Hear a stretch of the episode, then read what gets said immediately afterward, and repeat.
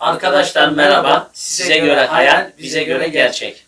Bugünkü konumuz bizim sürekli karşılaştığımız ve ileride de sizin karşılaşacağınız bir soru. Bu da tebliğ ederken insanlara, bizden yardım isteyen kardeşlerimize bahsettiğimiz konular. Bu da helallik, muska ve soydan gelen sıkıntılar üzerine. Örnek veriyorum benim üç kuşak önceki dedem bir hata yapmışsa bugünkü benim çocuğumun üzerindeki cinni musallatın sebebi nedir?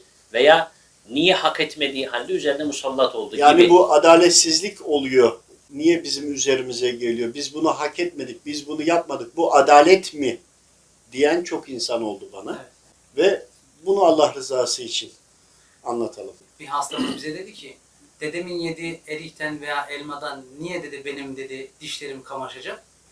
Biz de bunu izah ederken İslami kaynaklarda bu zamana kadar çok eser e, telif etmiş bir alim İmam Suyuti rahmetullahi aleyhin bir sözünden yola çıkarak hareket ettik. Bu da diyor ki İmam Suyuti rahmetullahi aleyh ana ve, ve baba- tarafından yedi kuşak dediğimiz anne tarafından 256 tane anne 256 tane baba eder nasıl miras yolu bizim üzerimize maddiyat, miras olarak, varis olarak biz kalıyorsak, şerler dediğimiz sıkıntılar üzerimize bu şekilde kalıyor. Biz onun günahını çekmiyoruz.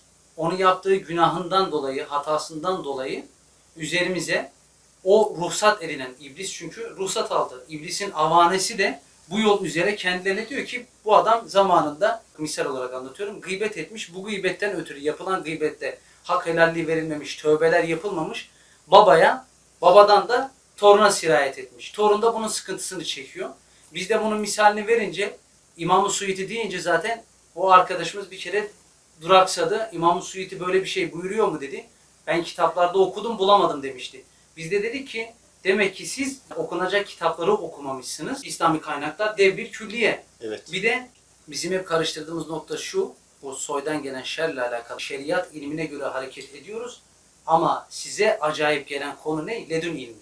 Çünkü Hızır Aleyhisselam'la Musa Aleyhisselam yola çıktığı zaman Musa Aleyhisselam'da şeriat ilmi vardı. Yani allah Teala'nın bir kitap vermişti ve şeriat ile hükmediyordu. Kendisi nida edince ya Rabbi benden daha bilgili birisi var mı deyince allah Teala cevaben Hızır Aleyhisselam'a yönlendirdi. Yani şunu mu e, anlıyoruz burada? Peygamberlik vasfı var Evet. ama leduni vasfı Rabbim dilerse veriyor. Yani peygamberlerin bazılarında bu olmaya da biliyor. Biliyor. Evet. Tabii. Zaten Kur'an'ı bir bütün olarak eğer doğru okumuş olsak zaten bu içinde var. Allah'ımız Celle Celaluhu buyuruyor ki ve fevka kulli zi ilmin alim. Her bilenin üzerinde bir bilen yarattıysa illaki muhakkak herkes aynı şeyi bilecek diye bir kayda yok.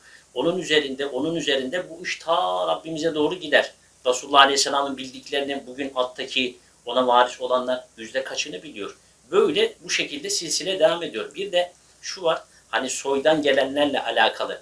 Eğer yerinin yapmış olduğu hatalar sonrakilere sirayet etmeyecekse, şimdi Kur'an'da birçok kıssalar var. Bazı toplulukların yapmış olduğu hatalardan dolayı allah Teala bir beldenin tamamını helak ediyor.